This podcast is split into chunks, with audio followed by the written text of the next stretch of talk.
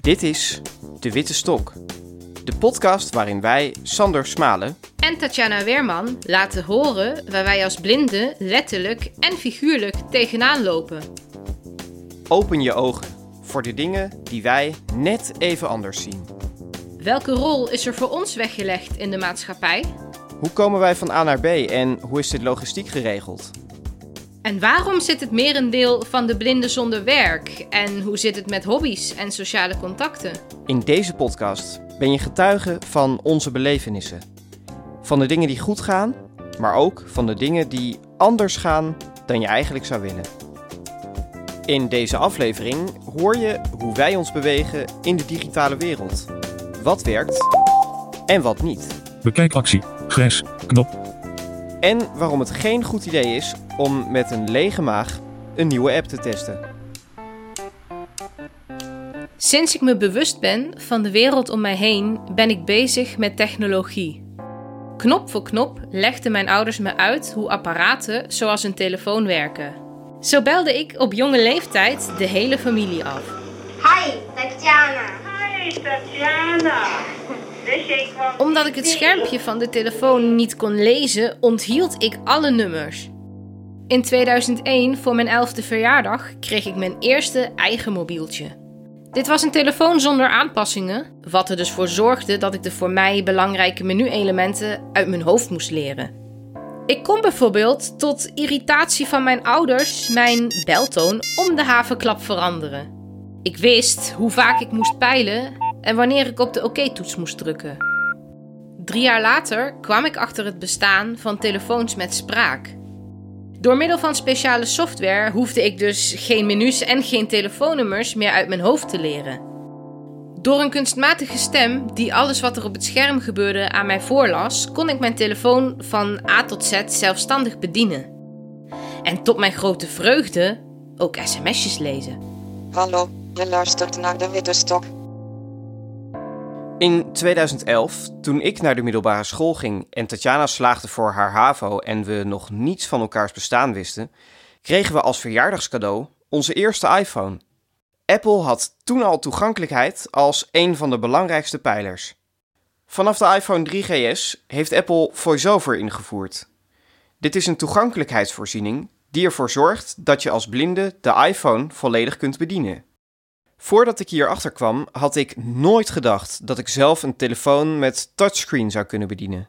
Op het moment dat je VoiceOver inschakelt, verandert de manier waarop je je iPhone bedient ingrijpend.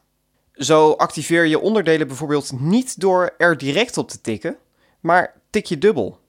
Alhoewel Google de laatste jaren een flinke inhaalslag gemaakt heeft als het gaat om toegankelijkheid, is Android in onze ervaring niet zo toegankelijk als een iPhone.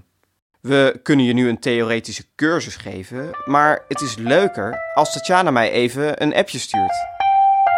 Ik sta nu op het beginscherm van mijn iPhone. WhatsApp. En hier heb ik de app WhatsApp en ik wil deze activeren. Daarvoor tik ik dubbel met één vinger op het scherm.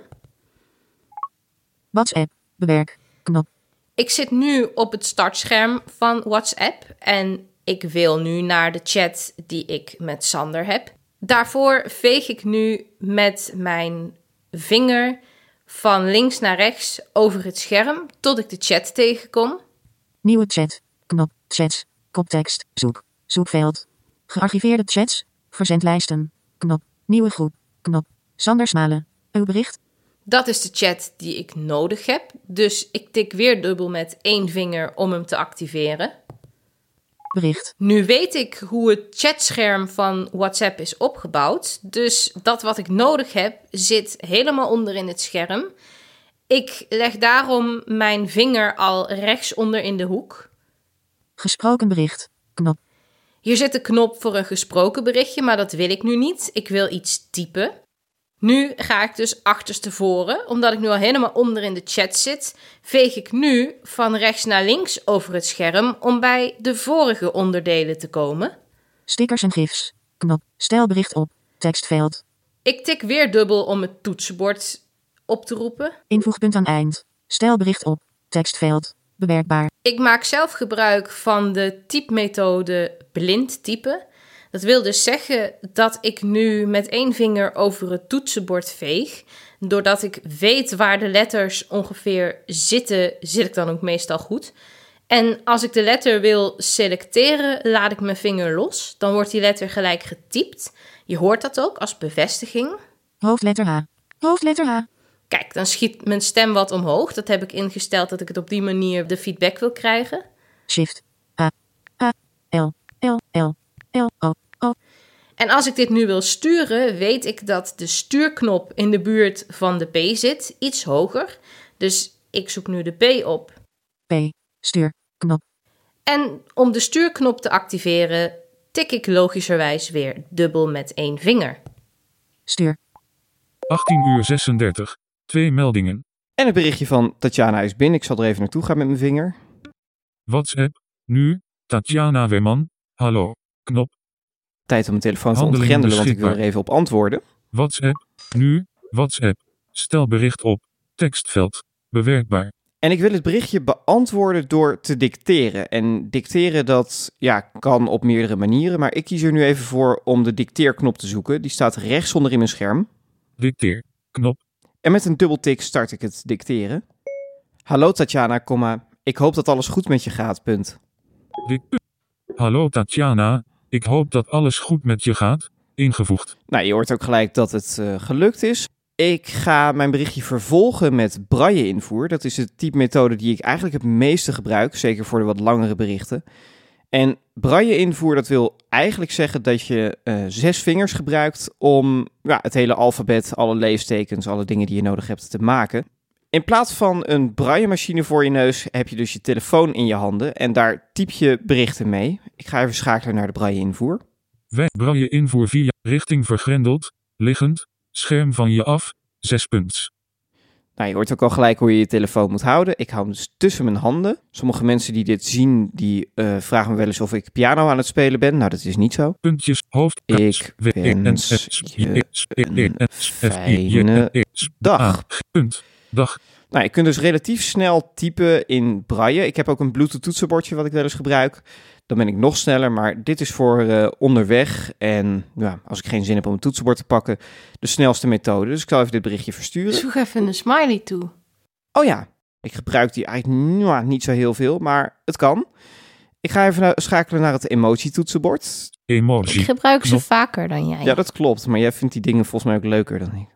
Volgende toetsenbord. Emoji. Nederlands. En nu kom ik binnen op het tabblad waar mijn ja, meest gebruikte smileys staan.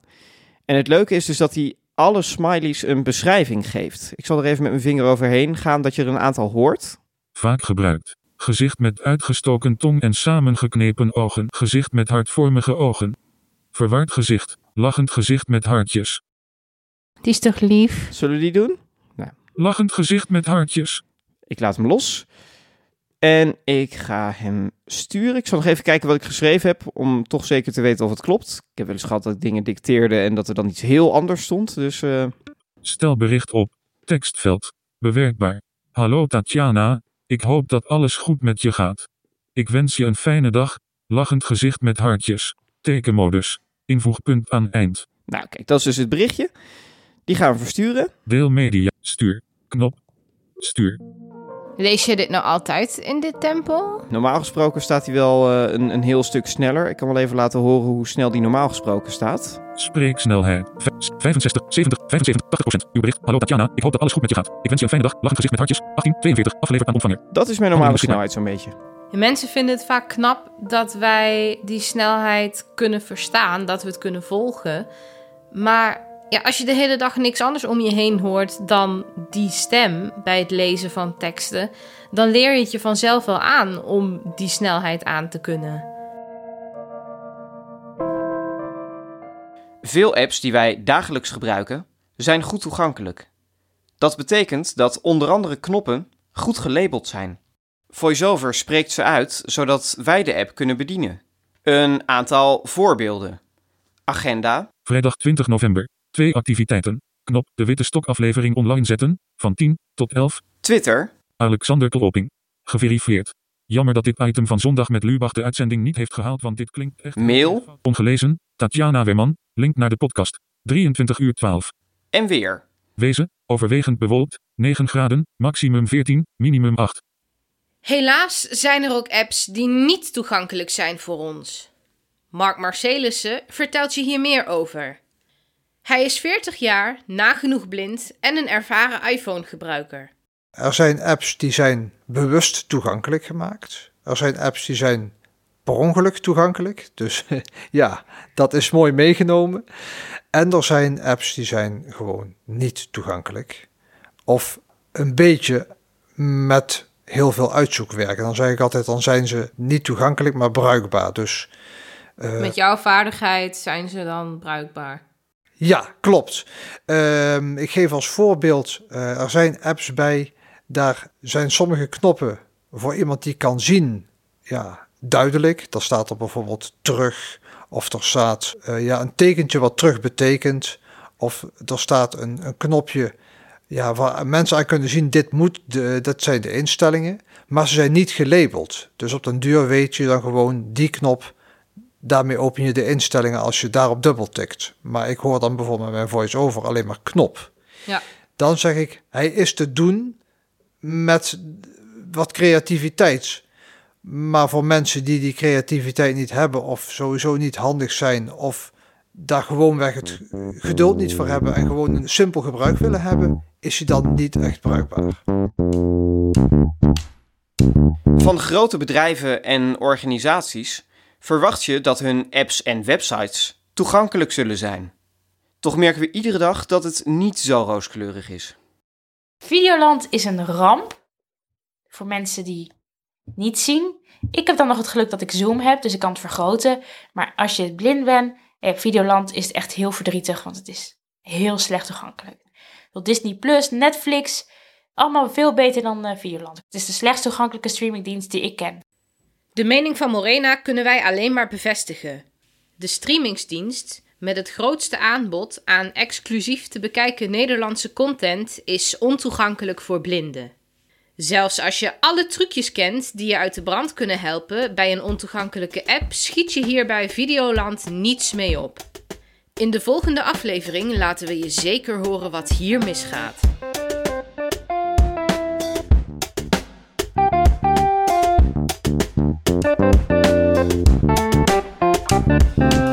Op onze computer kunnen wij aardig de weg vinden in de virtuele wereld.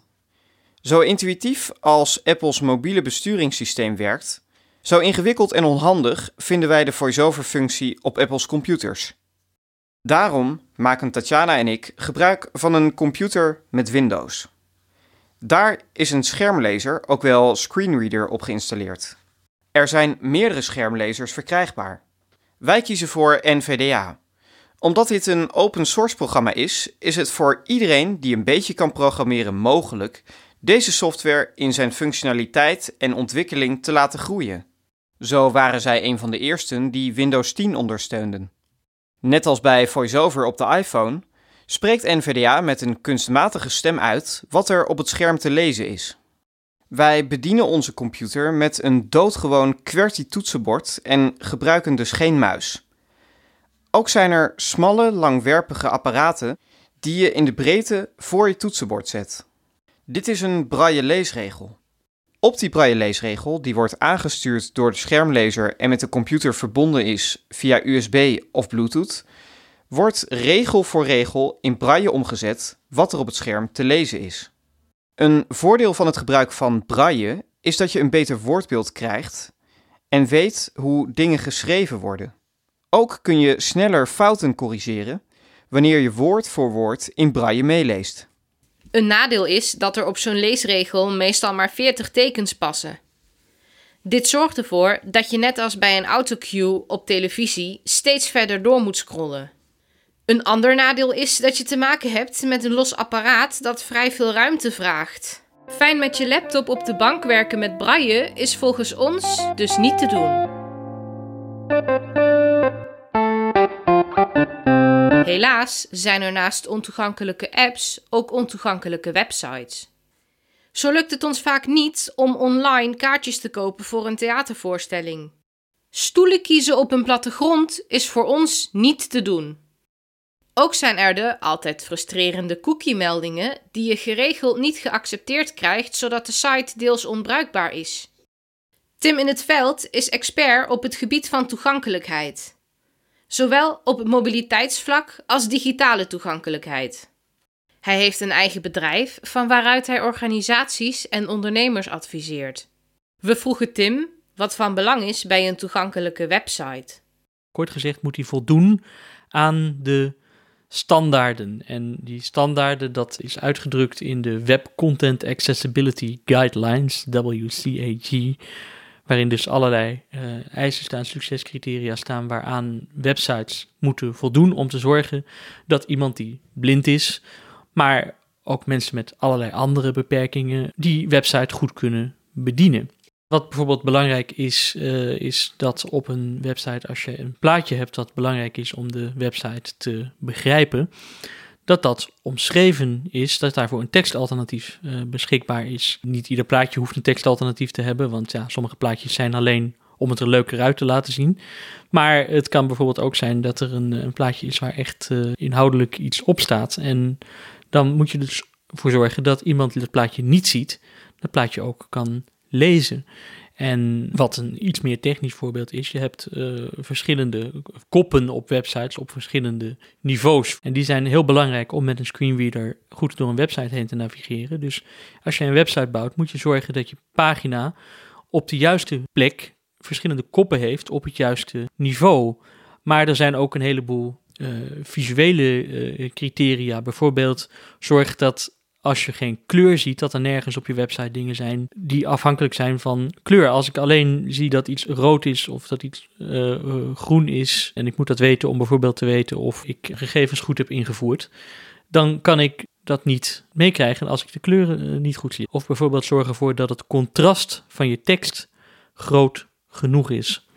Zodat dus iemand die moeite heeft met het lezen van tekst of ook met kleurenveranderingen of dat soort zaken, die tekst makkelijk kan lezen. Of als ik een webpagina inzoom, er zijn wel veel slechtzienden die, die gebruiken gewoon met hun browser, maken die de tekst wat groter, dan moet dat wel goed blijven werken. Dat zijn allemaal voorbeelden van eisen die uh, in die richtlijnen gesteld worden.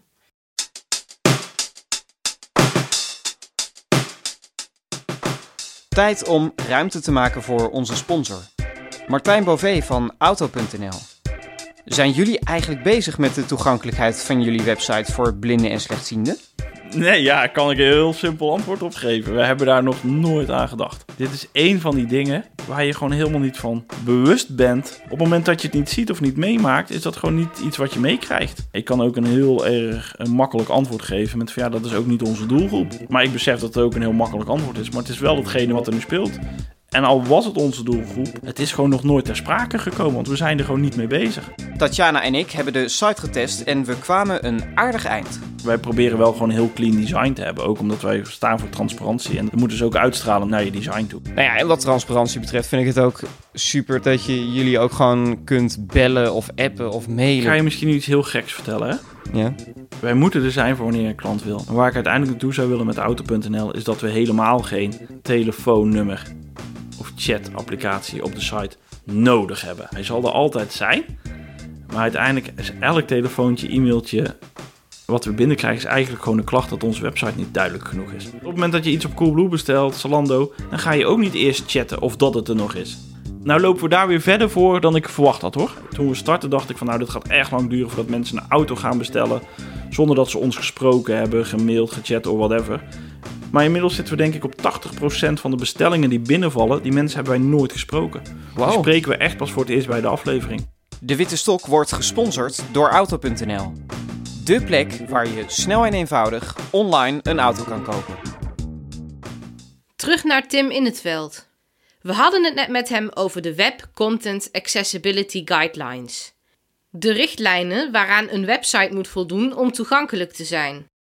Hoe worden deze eisen nageleefd? Als we gaan kijken, cijfers, die ken ik niet precies, maar even in Nederland is het wel iets waar gelukkig steeds meer aandacht voor is. In ieder geval vanuit de overheid. De overheid is in principe uh, verplicht om te zorgen dat alle websites die ze bouwen toegankelijk zijn.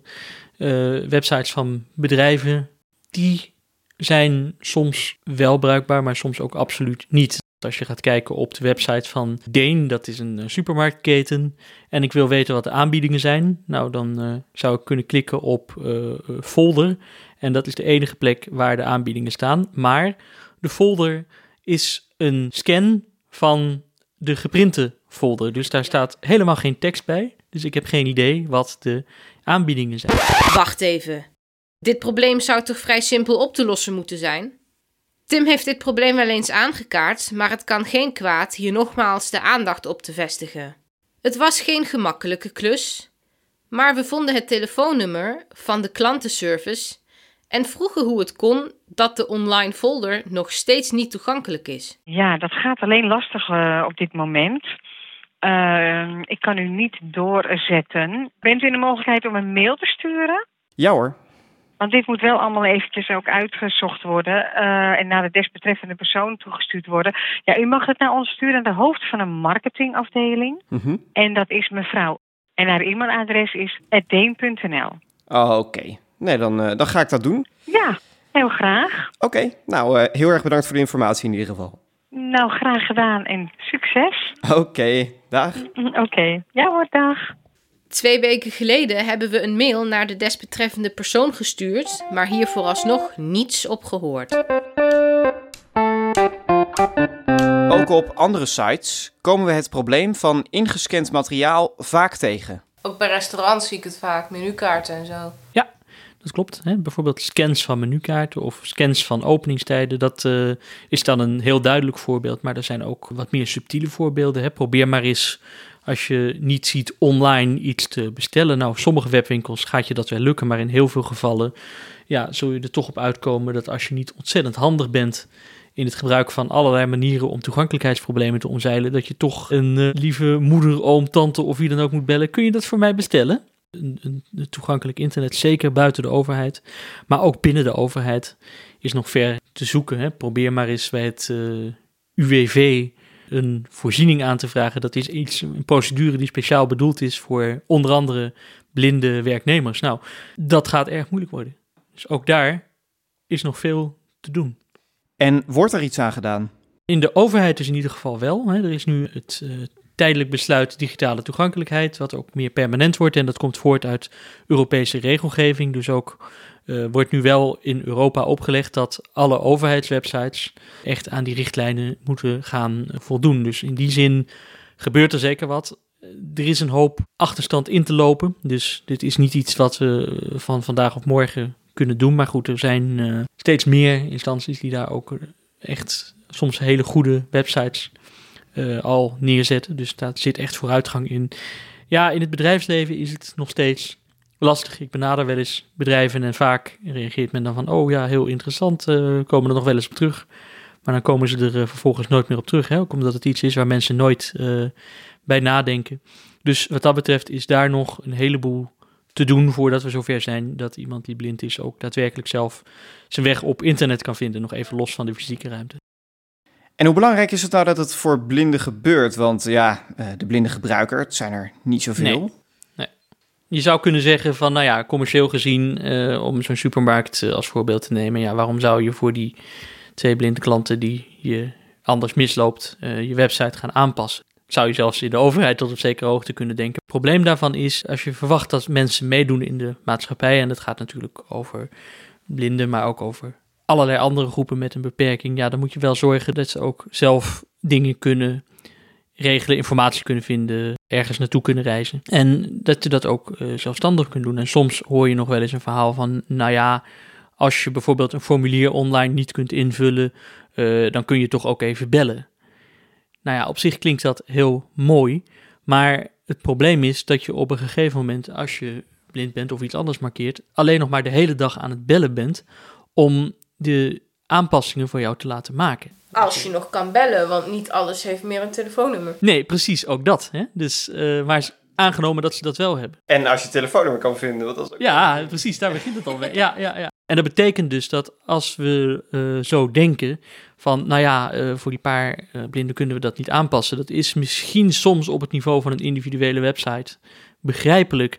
Maar het probleem daarvan is natuurlijk wel dat als iedereen zo gaat denken en dat gaat doen, en zeker als de overheid dat doet, dat mensen met een beperking gewoon ja, buiten de samenleving staan. Niks meer zelfstandig kunnen doen, voor alles afhankelijk zijn van een ander en dus ook eigenlijk niet al te veel meer kunnen bereiken. En je hebt het nou over mensen die volledig blind zijn, dat is een kleine groep, maar heel veel mensen hebben beperkingen. En dat is het tweede belangrijke punt om dus aan te geven waarom het voor overheid en bedrijven zo belangrijk is om hun producten uh, toegankelijk te maken. 20% van de mensen heeft een vorm van permanente beperking. Hè? Wat natuurlijk kan variëren van iemand die aan vier ledematen verlamd in een rolstoel zit, uh, tot iemand die uh, een lichte kleurenblindheid heeft. In al die gevallen zijn die toegankelijkheidszaken belangrijk. Dus het is wel degelijk een hele grote groep waar het over gaat.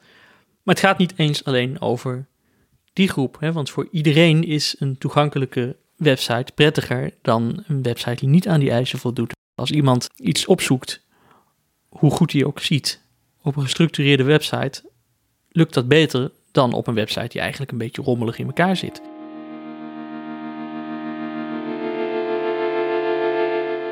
Er is natuurlijk één gebruiker van je website, dat is je meest beperkte gebruiker, maar dat is wel een hele belangrijke. Het is een gebruiker die niet ziet en ook cognitief heel erg beperkt is. Het is zelfs geen mens. Sommige mensen zullen al wel raden wie tussen aanhalingstekens ik bedoel, namelijk de robot van Google. Als je een beetje in websiteontwikkeling zit, dan weet je dat bedrijven en uh, andere organisaties die willen gevonden worden. En uh, zoekmachines die gaan door die websites heen en diezelfde structuur die ik nodig heb om met mijn screenreader informatie te kunnen vinden op de website, die heeft die zoekmachine ook nodig om te kunnen kijken welke informatie er op de site staat en om dat goed te kunnen indexeren en om die website vindbaar te maken. En die heeft dat nog veel meer nodig, want ik heb nog uh, hersens om eventueel, als de structuur niet klopt, zelf iets te beredeneren. Maar ja, een robot uh, kan wat dat betreft natuurlijk uh, nog steeds heel erg weinig. Die is echt afhankelijk van die structuur. Dus dat is ook een belangrijke reden, zeker in het bedrijfsleven, waarom het ja, zeker niet alleen voor mensen met een beperking is, maar eigenlijk voor iedereen belangrijk. We hebben het nu wel over ontoegankelijke apps en websites, maar hoe klinkt dat nou? Nou, om dat te laten horen neem ik je mee naar de app van Kruidvat. Ik kom in de eerste plaats langs een aantal dingen die geen enkel label hebben. Ik kan van links naar rechts vegen, maar je hoort niets. Hallo, wat fijn je te zien. En dan dus hallo, wat fijn je te zien. Nou, ja, oké. Okay. Afbeelding. A red and white logo with white text on a white background. Een afbeelding waar dus geen beschrijving aan gegeven is. Mijn iPhone probeert er wel een beschrijving aan te geven, maar ja, ik kan daar nog niet zo heel veel mee. Login, knop. De mogelijkheid om in te loggen. Happy Singles Day. De beste en... deals geldig vanaf 11 schuine streep 11 Singles Day. Dan zie ik de aanbiedingen voor Singles Day. Bekijk actie, grijs, knop. Maar die knop die is grijs. Dus de knop om de actie te kunnen bekijken werkt niet. Ik zal hem openklikken, maar... Kruidvat luiers valuepak. Kruidvat luiers valuepak. Nou ja, hij klapt dus wel iets open, maar of het dat dan is... Nou ja, laten we ervan uitgaan dat hij de, de goede aanbieding openklapt. Login. Kruidvat 3 midi luiers valuepak MT3, 4 tot 9 kilogram, 68 stuks. Nou, en weer een aantal dingen die geen enkele vorm van een label hebben. Disablet, afbeelding. Enablet, afbeelding. Disabled en enabled, twee afbeeldingen waarbij ik geen idee heb wat er nou disabled of enabled is of kan worden. Kruidvat Multis Health NL, knop. Ik denk dat het iets met een winkelwagentje te maken heeft, maar ja, hoe en wat? Geen flauw idee. Microfoon. Microfoon? Nou ja. Naam, tekstveld. Waarom zou ik hier mijn naam moeten invullen? Afbeelding. Je hoort het, heel veel afbeeldingen, knoppen, dingen die niet gelabeld zijn. En waarbij ik dus geen idee heb waar ik op moet klikken en waar wat voor dient. Het is een heel onlogisch vormgegeven app, dus niet toegankelijk.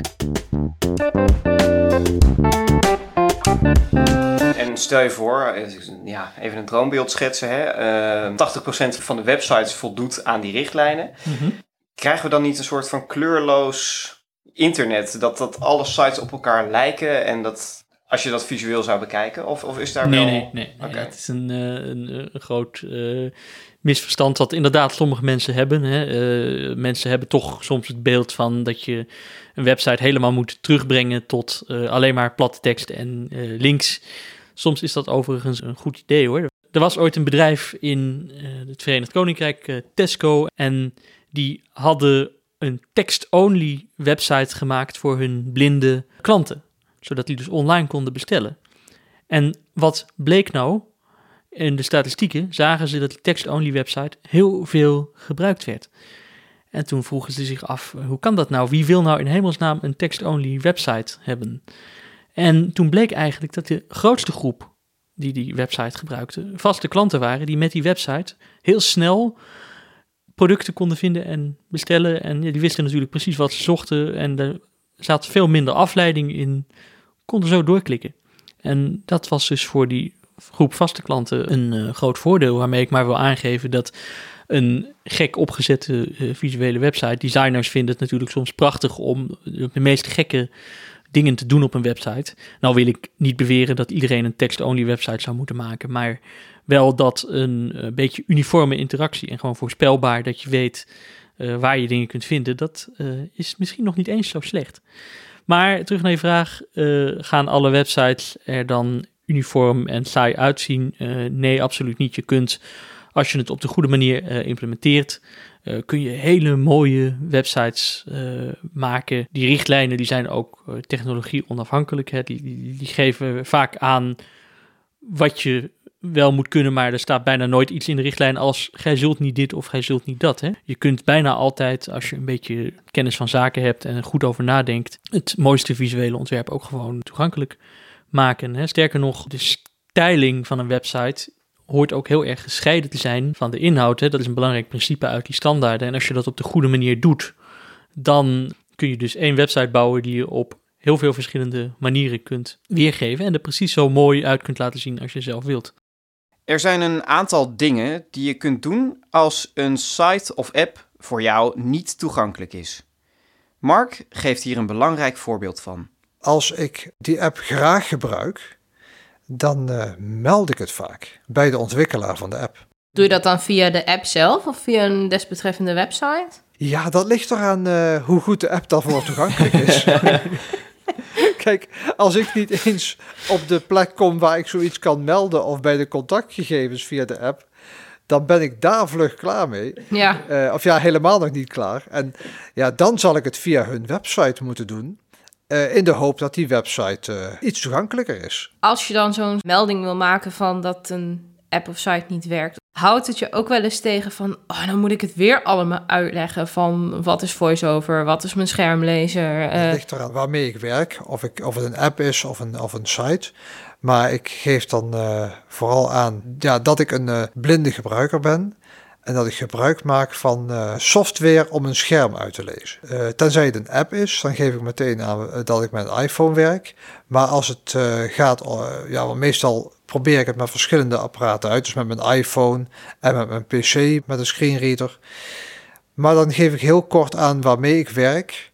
En dat het voor mij als blinde gebruiker niet toegankelijk is. En ja, wat er dan niet toegankelijk is. En dat ik dat graag wil melden en erover in contact wil komen. Ik hou dat bewust kort. Dan kan ik het liever later nog een keer beter uitleggen. Het melden van een toegankelijkheidsprobleem kan een enorme opgave zijn.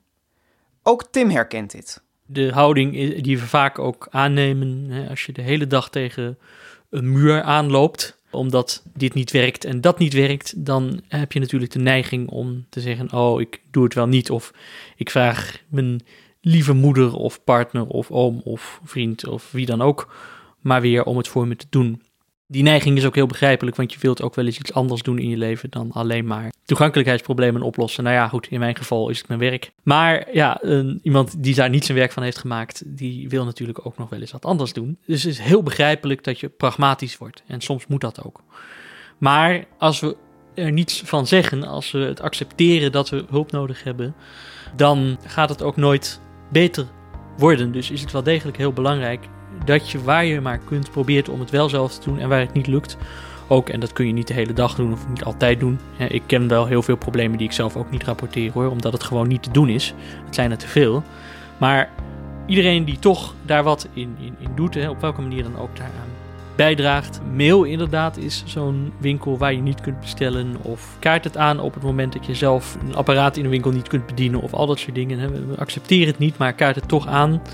En dat is ook voor de bewustwording heel belangrijk. Hè? Want mensen die daar niet dagelijks mee te maken hebben, die misschien nog nooit iemand met een eh, visuele beperking hebben ontmoet, die hebben helemaal geen idee dat als je blind bent, dat je überhaupt een computer kunt bedienen. Laat staan hoe dat dan werkt. Laat staan dat ze bij het ontwerp van een website eh, daar rekening mee moeten houden. Hè? Als je dat mensen om te beginnen dan maar eh, vertelt en dat informatie geeft over hoe dat werkt, dat helpt al heel veel, die bewustwording, om dat misschien toch iets te verbeteren. Dus zeker heel belangrijk om daarin te duiken. Iedereen heeft wel eens een dag waarop hij geen zin heeft om te koken. Een aantal jaar geleden tipte Mark ons de app Thuisbezorgd. Lekker makkelijk dat een maaltijd aan je deur wordt afgeleverd. Toen Mark zelf de app wilde uitproberen en al rammelde van de honger, kwam hij voor een verrassing te staan. Toen ontdekte ik dat ik, als ik me wilde aanmelden, ik een eh, CAPTCHA moest eh, gebruiken. Dus een code die je op het scherm zag en die je moest overtypen.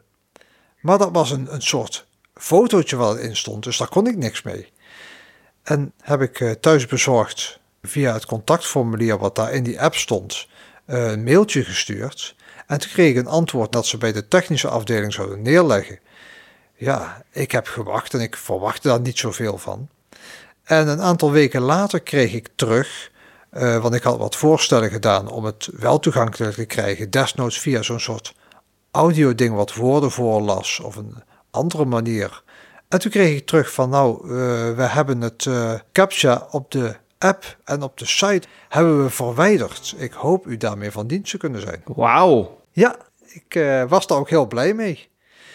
Het is eh, denk ik wel weer tijd dat ik met de thuisbezorgd app aan de gang ga. Ja. Ja. Ik eh, kom er nu echt niet lekker meer uit. Als ik iets wil bestellen of iets wil toevoegen of dergelijke. Het is niet meer de leukste app die het ooit eh, geweest is. Nee. Nee, nee. Dus ja, ik denk dat het goed is dat veel eh, blinde en slechtziende gebruikers zich weer melden. En ik hoop dat ze dan weer zo mee aan de gang gaan als destijds. Want ik eh, heb in heel veel gevallen het gevoel dat het het bewustzijn is, maar ook heel vaak zich niet bewust wat een kleine verandering achter de schermen voor groot gevolg kan hebben.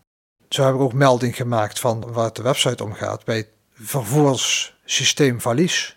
het, eh, ja, het eh, kunnen aanmaken van een rit digitaal. Ja, dat is eh, nagenoeg onmogelijk. Maar daar doe ik ook een melding voor. Tegenwoordig een groot probleem zijn de kalender pop-ups overal, waar je vroeger zelf een, iets kon invoeren of met een soort tandwieltje kon werken. Eh, moet je nu eigenlijk door een soort kalender gaan om cijfers aan te klikken. En dat kun je niet als je het niet ziet. Dat is een groot probleem waar, waar ik overal toch de aandacht op vestig. Mensen vragen me vaker, is mijn site toegankelijk? Eh, kun je er eens naar kijken? Maar dan zeg ik altijd, kunnen jullie mij een checklist geven van wat jullie graag erop willen weten? Want soms kan ik zeggen, oké, ik heb het gevoel dat ik alles gelezen heb, dat ik alles weet te vinden, dat alles werkt. Maar dan zijn bepaalde dingen helemaal niet in beeld. En ja, dat weet ik dan niet, want ik weet niet waar ik naar moet zoeken. Als dingen niet op de site staan, volledig, tenminste eh, voor mij als blinde gebruiker, dan weet ik niet eens dat ik het zou kunnen verwachten. Ja, zeker. Ja, zeker waar. Daarom vraag ik altijd als mensen mijn hulp nodig hebben bij het toegankelijk eh, maken, of in ieder geval het controleren van een site, van geef me bepaalde opdrachten. Wat moet ik zien? Hoe zou het moeten zijn ingedeeld? Want dat is het hele punt waar mensen aan voorbij gaan. Ik eh, heb geen totaaloverzicht. Ik moet gericht naar iets gaan zoeken, of ik moet helemaal rond gaan wandelen op een site. Maar het gaat toch altijd regel voor regel, link voor link, kop voor kop. Ja, op de verschillende navigatiemogelijkheden. Dus elke site is opnieuw een zoektocht. Dit was De Witte Stok. De Witte Stok is een podcast van Sander Smalen. en Tatjana Werman in samenwerking met Dag en Nacht Media en wordt gesponsord door Auto.nl. Op 20 januari staat de volgende aflevering online.